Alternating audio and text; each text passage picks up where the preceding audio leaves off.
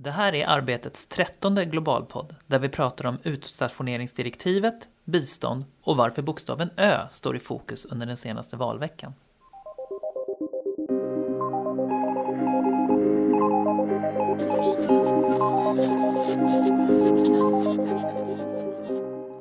Hej och välkomna tillbaka till Globalpodden. Och jag som pratar, jag heter Kim Nilsson och är webbredaktör på Arbetet. Och om ni kanske har glömt mig så beror det på att jag faktiskt inte har varit med på ett par gånger nu eftersom eh, Globals ordinarie redaktörer och reportrar Linda Flod och Erik Larsson har poddat själva på Bokmässan. Eh, men nu är jag tillbaka och ordningen är återställd. Ja, eller hur? Ja, det känns härligt att du är här Kim. Ja, det var tråkigt utan dig i Göteborg. Ja, men eh, nu är det som det brukar vara. Och lite lugnare miljö här också kanske än det var att sitta i en öppen bokmässa. Ja, det, var ju otroligt kul att, träffa alla besökarna där på bokmässan. Men man blir rätt utmattad efter ett tag när det är mm. så mycket folk och det är mycket ljud och sådär. Så. Mm. Nu sitter vi i ett lite tystare rum kan mm. man säga. Ja. ja.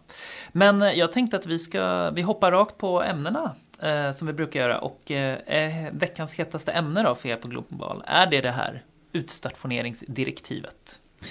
Eh, det är i alla fall ett av de hetaste ämnena. Eh, den här frågan om utstationering, eh, det är ju en fråga som mer eller mindre känns som en zombie på något sätt. Som vaknar ur graven, man, man tror att den ska begravas, men sen så vaknar den ur graven och kravlar sig upp igen. Och det bara fortsätter och fortsätter.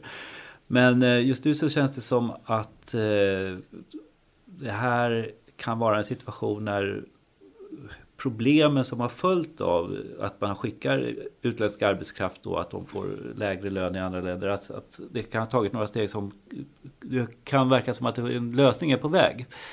Och då är det att sysselsättningsutskottet i EU-parlamentet har eh, tagit beslut om eh, ett kompromissförslag som har kommit in. Mm. Och vad betyder det här kompromissförslaget? Det, ehm, det är, verkar vara en, upp, det är en uppgörelse då med de största politiska grupperna i parlamentet som är socialdemokratiska gruppen S och D och eh, den ehm, konservativa moderata gruppen EPP. Och det verkar ju vara, bygga på mängder av ändringsförslag. För att det verkar som att förut har det figurerat olika typer av förslag. Nu har man då mm. kommit fram till ett förslag som innehåller massa ändrings... Altern, eller liksom, mm. ändringsförslag. Mm. Mycket förslag här. Men... Ehm, och då, det... Som det verkar, att vi kan ju inte alla detaljer i det här. Mm. Ett, det finns en tidsgräns. Det, finns, det direktiv som finns nu är från 1996. Ja, det är ett tag sedan. Ja, ja eh, men det här har ju stötts och blötts väl sedan Lavaldomen, eller? Ja. Sen 2005. Ja, inom liksom EU och Sverige. Eh, men nu finns det ingen tidsgräns då om man åker på jobb till ett annat land. Eh, men nu ska det vara en tidsgräns på 24 månader. Mm. Vilket sossarna, svenska sossarna i, i Europaparlamentet inte alls är nöjda med. Eh, säkert andra, många missnöjda mm. också. Du pratade med Per Hilmersson också på TCO väl? Ja, ja. Eh, kan du bara berätta, ja, vad menas men, med tidsgräns? Tidsgränsen är ju då att under den här tiden eh, så har man inte, eh, man ska ha rätt till lönen som är satt men i och med att du kan inte, då, då, kan de ju liksom kräva dig, eller du kan bara få en minimilön till exempel. Eller ja. i andra länder finns det ju minimilöner. Mm, mm. Eh, I Sverige har vi, ja det finns ju lägsta löner i avtalen. Mm. Eh, men annars finns det ju statliga minimilöner och då kan det ju vara att då får du ha det i två års tid. Mm. Om du skickas då för att jobba som byggjobbare i Belgien från Polen till exempel. Mm. Då får du ha en belgisk minimilön i två års tid. Eh, men sossarna, jag pratade med Marita Ulfskog, mm. och menade att nu har man i alla fall accepterat det här kravet som kom från andra.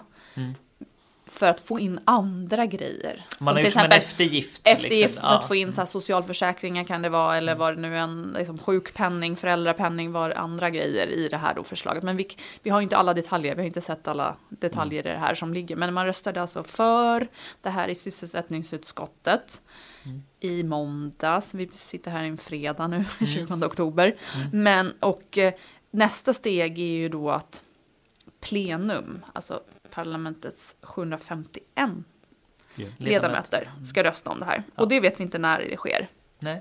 Men vi tror ju ändå att, ja, röstas det ner i plenum, då är väl då finns det ju någon annan plan för hur man ska gå vidare. Kanske det tragglas ytterligare fem år, vem vet. Men efter, även om det ska gå igenom plenum, så är det ju fortfarande ministerrådet Ja, okej. som sätter sista punkten i det här. Och då är ju frågan om vilka länder, för från början var det många länder, det var elva länder väl, som var Ja. emot att man överhuvudtaget ska ändra det här direktivet. Och då la man in så kallade gulkort från eh, många öststater bland annat.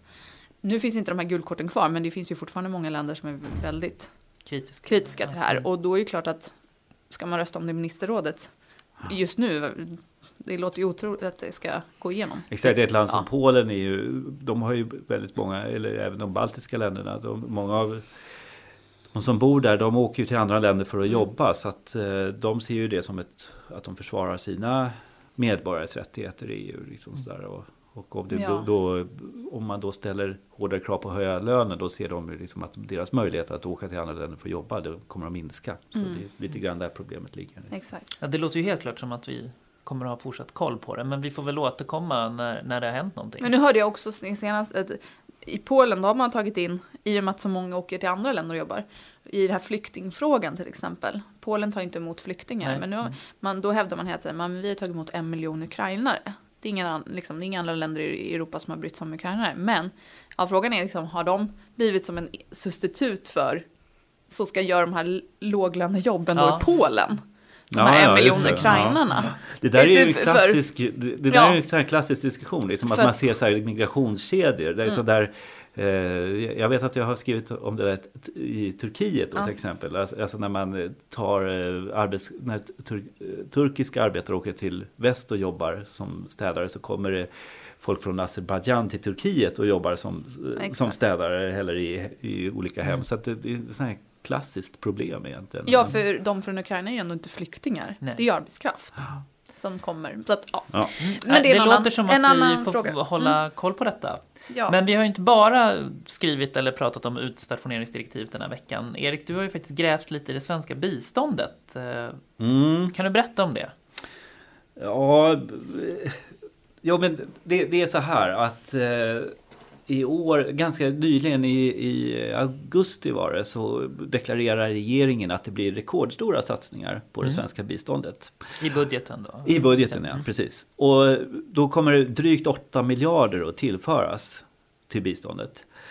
Och det här har ju varit lite intressant att se hur de här pengarna ska kanaliseras eller vilka som ska få del på dem, av dem.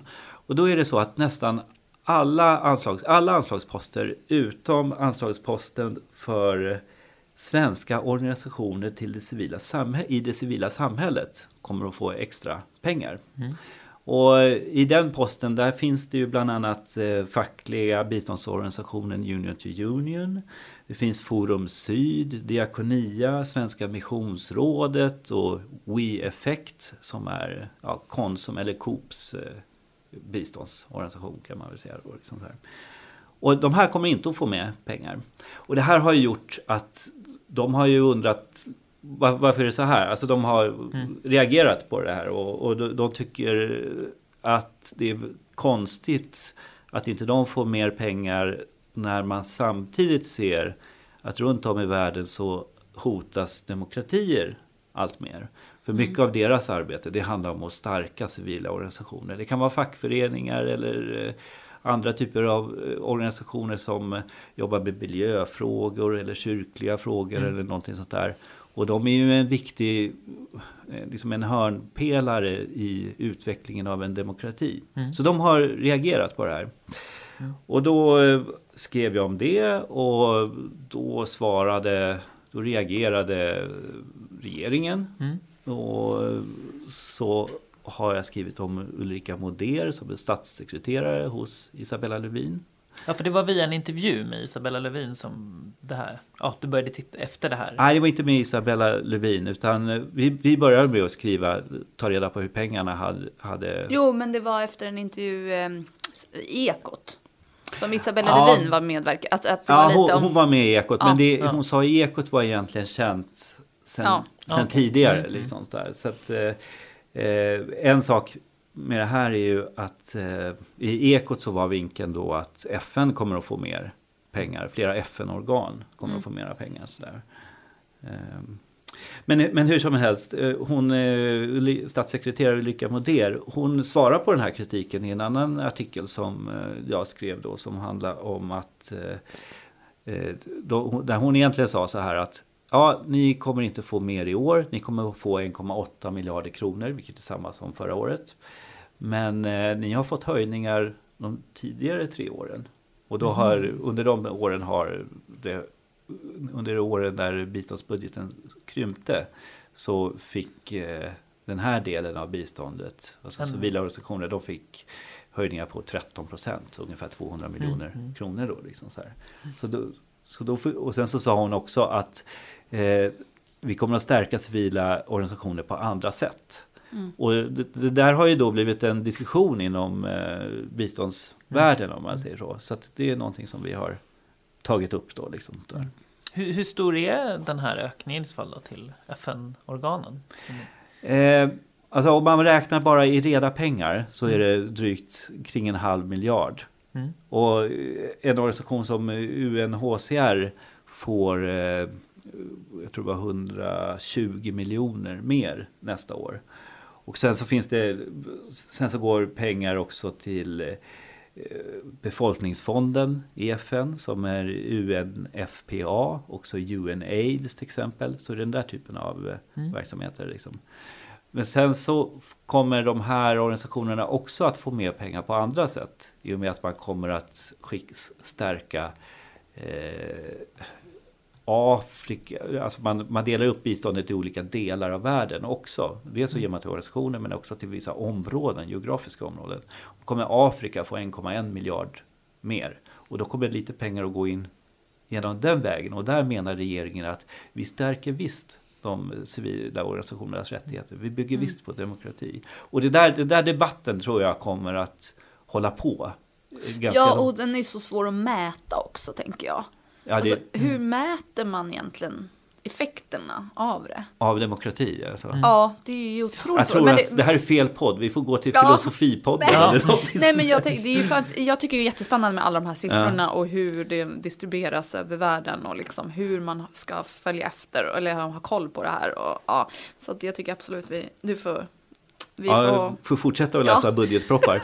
Men jag kan bara säga någonting om eh, biståndet. Det kan ju vara intressant för lyssnarna att veta hur mycket pengar svenska biståndet är på. Också. Och då är det så att biståndsramen, alltså det totala biståndet är 49 miljarder ungefär.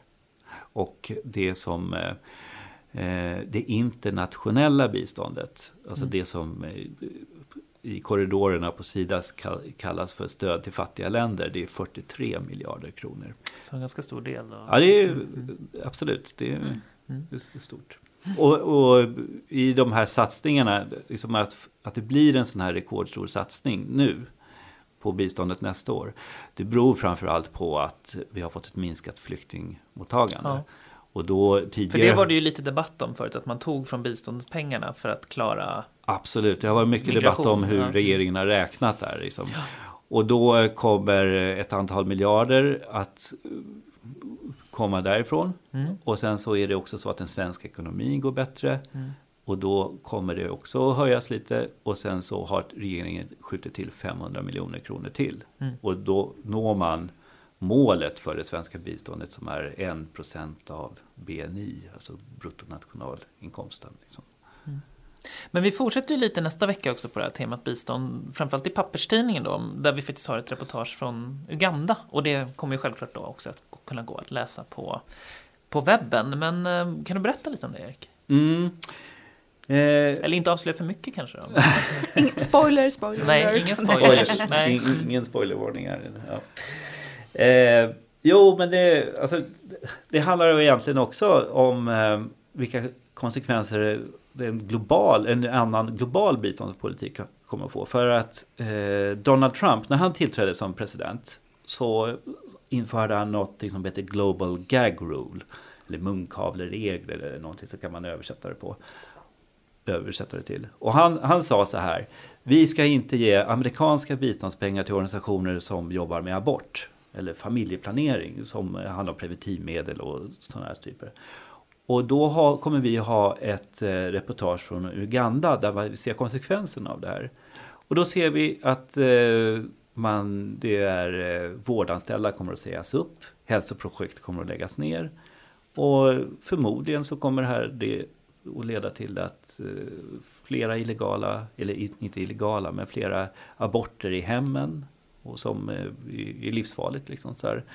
Och det kan också bli problem med screening av eh, livmoderhalscancer och den här typen av frågor. Så att, mm. Det påverkar ju verkligen ner till min, på absolut, vad ska man säga, mest berörda nivå, alltså till vill säga invånarna. Ja, och det som är intressant, alltså det är att när, nu minskar Trump biståndet till de här organisationerna. Men då har Sverige, Finland och andra länder gått in och sagt vi ska kompensera det här lite grann. Mm. Så att det är också en av förklaringarna till att FN-organisationerna har fått mer mm. i bistånd. Mm. Så, så, att det, alltid, det hänger ihop. Liksom, så här. Mm. Det här är en respons också på Donald Trumps politik. Han har ju ingen tilltro alls till FN, verkar det som. Eh, det verkar rätt begränsad. Det är som här, eller vet, ibland så får man ju intrycket att FN är väldigt bra att ha när det kommer till mm. Nordkorea men inte till andra frågor. Liksom så här. Och det där ekvationen kommer ju bli... Eh, eller att man har veto. Ja, ja. Det är bra. Ja, precis. precis. Så det kan bli ett problem. Liksom för... Men det låter som spännande läsning som ni får läsa nästa vecka. Eh, men det händer ju annat globalt också.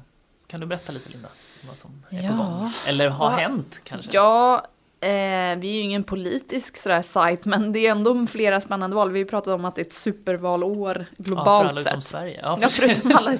exakt, supervalåret i Sverige var 2014. Men, eh, förra söndagen var det ju Österrike, där den här 31-åriga Sebastian Kurz tog mm. makten eh, med hans konservativa ÖVP.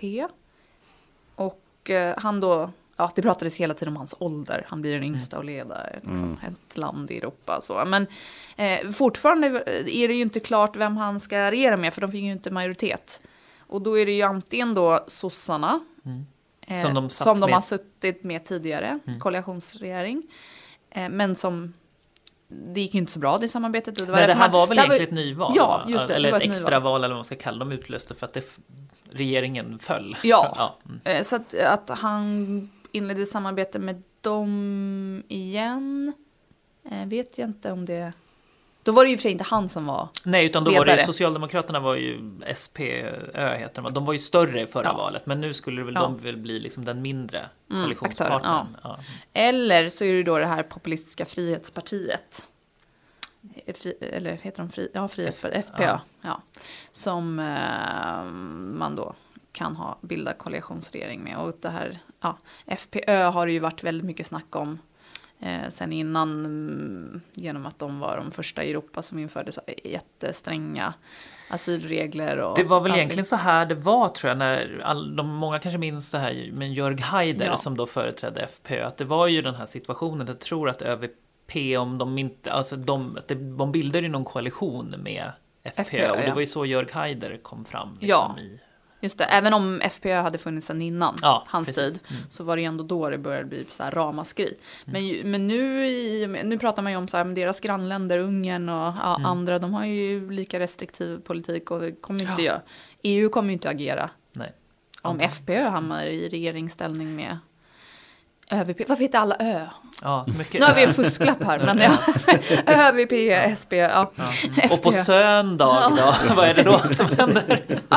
nu på söndag, då är det nyval i, i ett annat land. Ja. Det är många nyval. Nya, många nyval. Ja, Japan. Mm. Ett jättestort land, många invånare som vi inte alls har så bra koll egentligen på eh, från svenskt håll. Mm. Men, Men, de har ju en skitstor ekonomi, så ja, det borde ju vara... Ja, exakt, det är ju faktiskt en väldigt alltså, stor spelare i alla fall liksom eh, ja, inom handeln och mm. näringslivet. Men eh, där då, då har eh, premiärministern Shinzo Abe, Abe eh, utlyst nyval. Eh, och då är det en intressant grej som har hänt. För att han vill, han har nämligen inte tillräckligt stöd tycker han för att genomföra stora satsningar i socialförsäkringssystemen. Mm. Eh, och en hårdare politik gentemot Nordkorea. Mm och därför eh, så har man då utlyst För att få ett för att starkare få starkare mandat. mandat. Ja. Exakt. Men då helt plötsligt, då har Tokyo, Tokyo är i och för sig en megastad på 30 miljoner invånare totalt sett, men då har Tokyos borgmästare som har stor makt, en kvinna dessutom, hon har bildat ett nytt parti. Och alltså nu i slutet av september när man utlyste nyval. Och på bara några veckor så har det här partiet börjat, liksom, fått stöd i opinionen på runt 15 procent eller mer.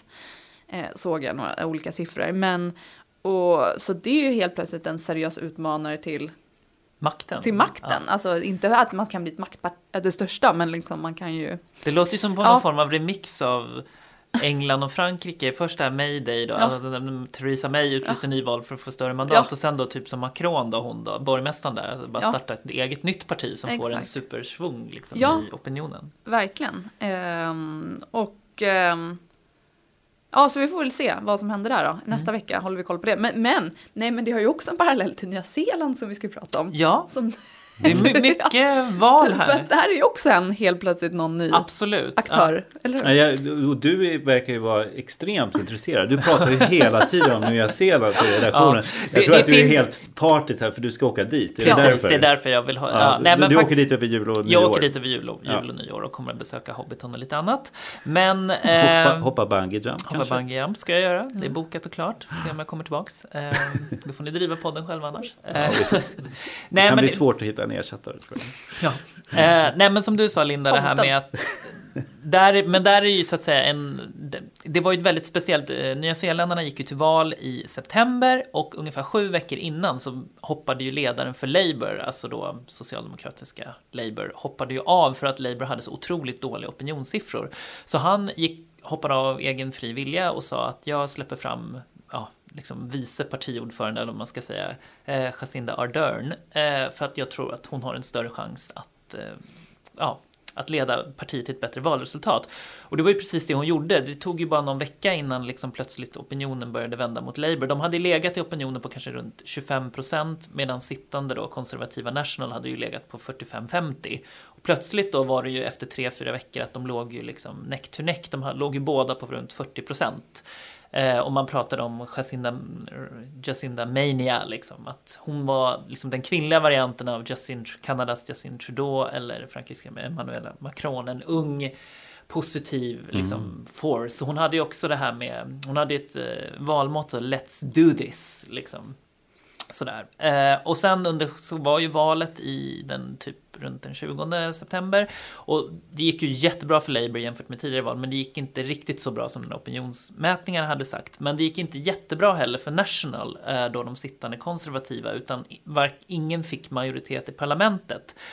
Eh, och då blev vågmästarna ett populistiskt parti som heter New Zealand First, som man skulle nog kunna kanske Ja, man skulle kunna säga att det är en, en nyzeeländsk variant av Ny Demokrati.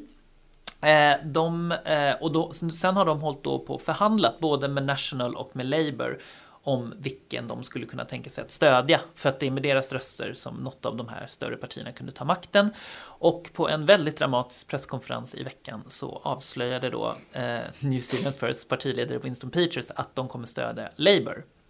Det som är lite kontroversiellt med det här är ju också att Labour har ju ett samarbete med, de, med Miljöpartiet, de gröna på Nya Zeeland. Och, hade de, och i valkampanjen var det ju väldigt, väldigt hårda ord mellan just New Zealand First som är väldigt populistiskt och vill liksom ha väldigt lite immigration.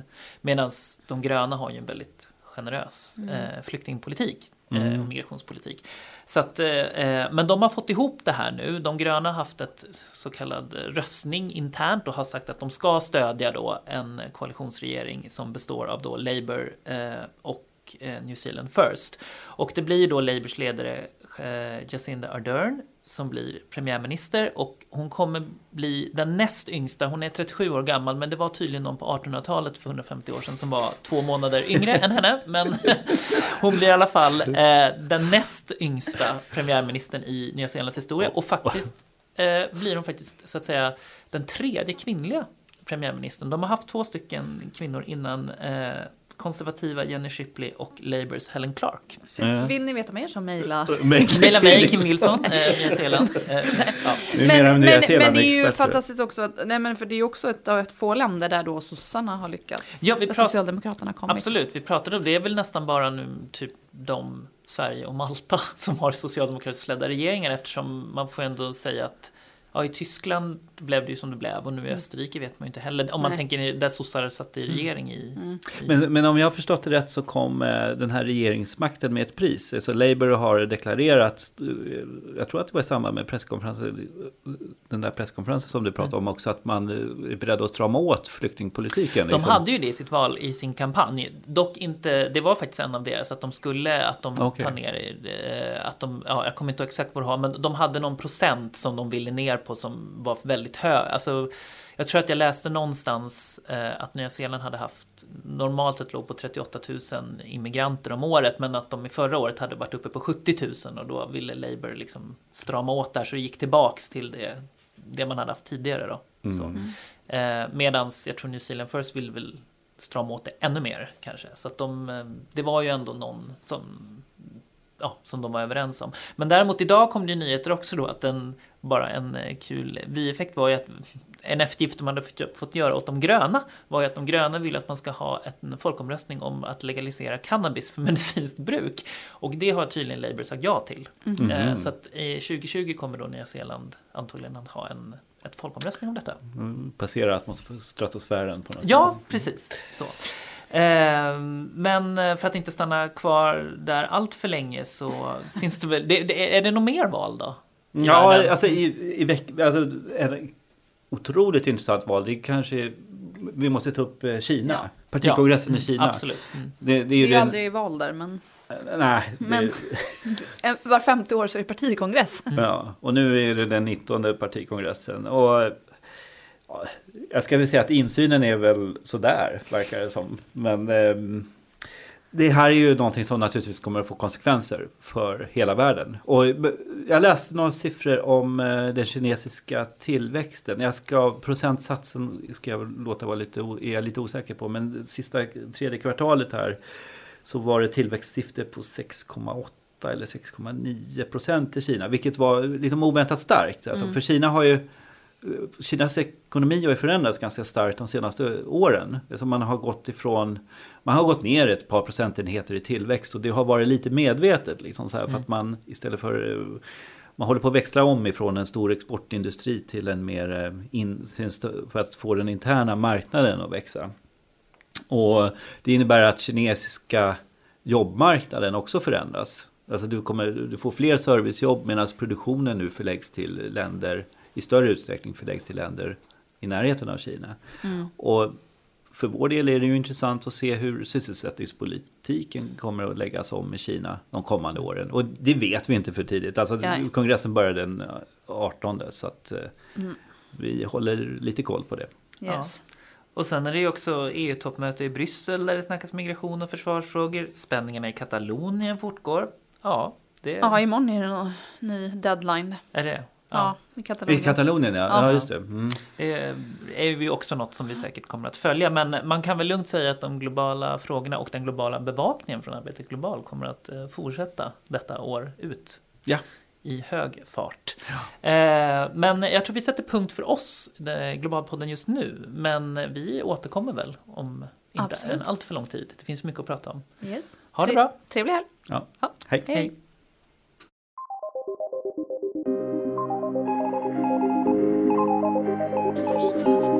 Thank you.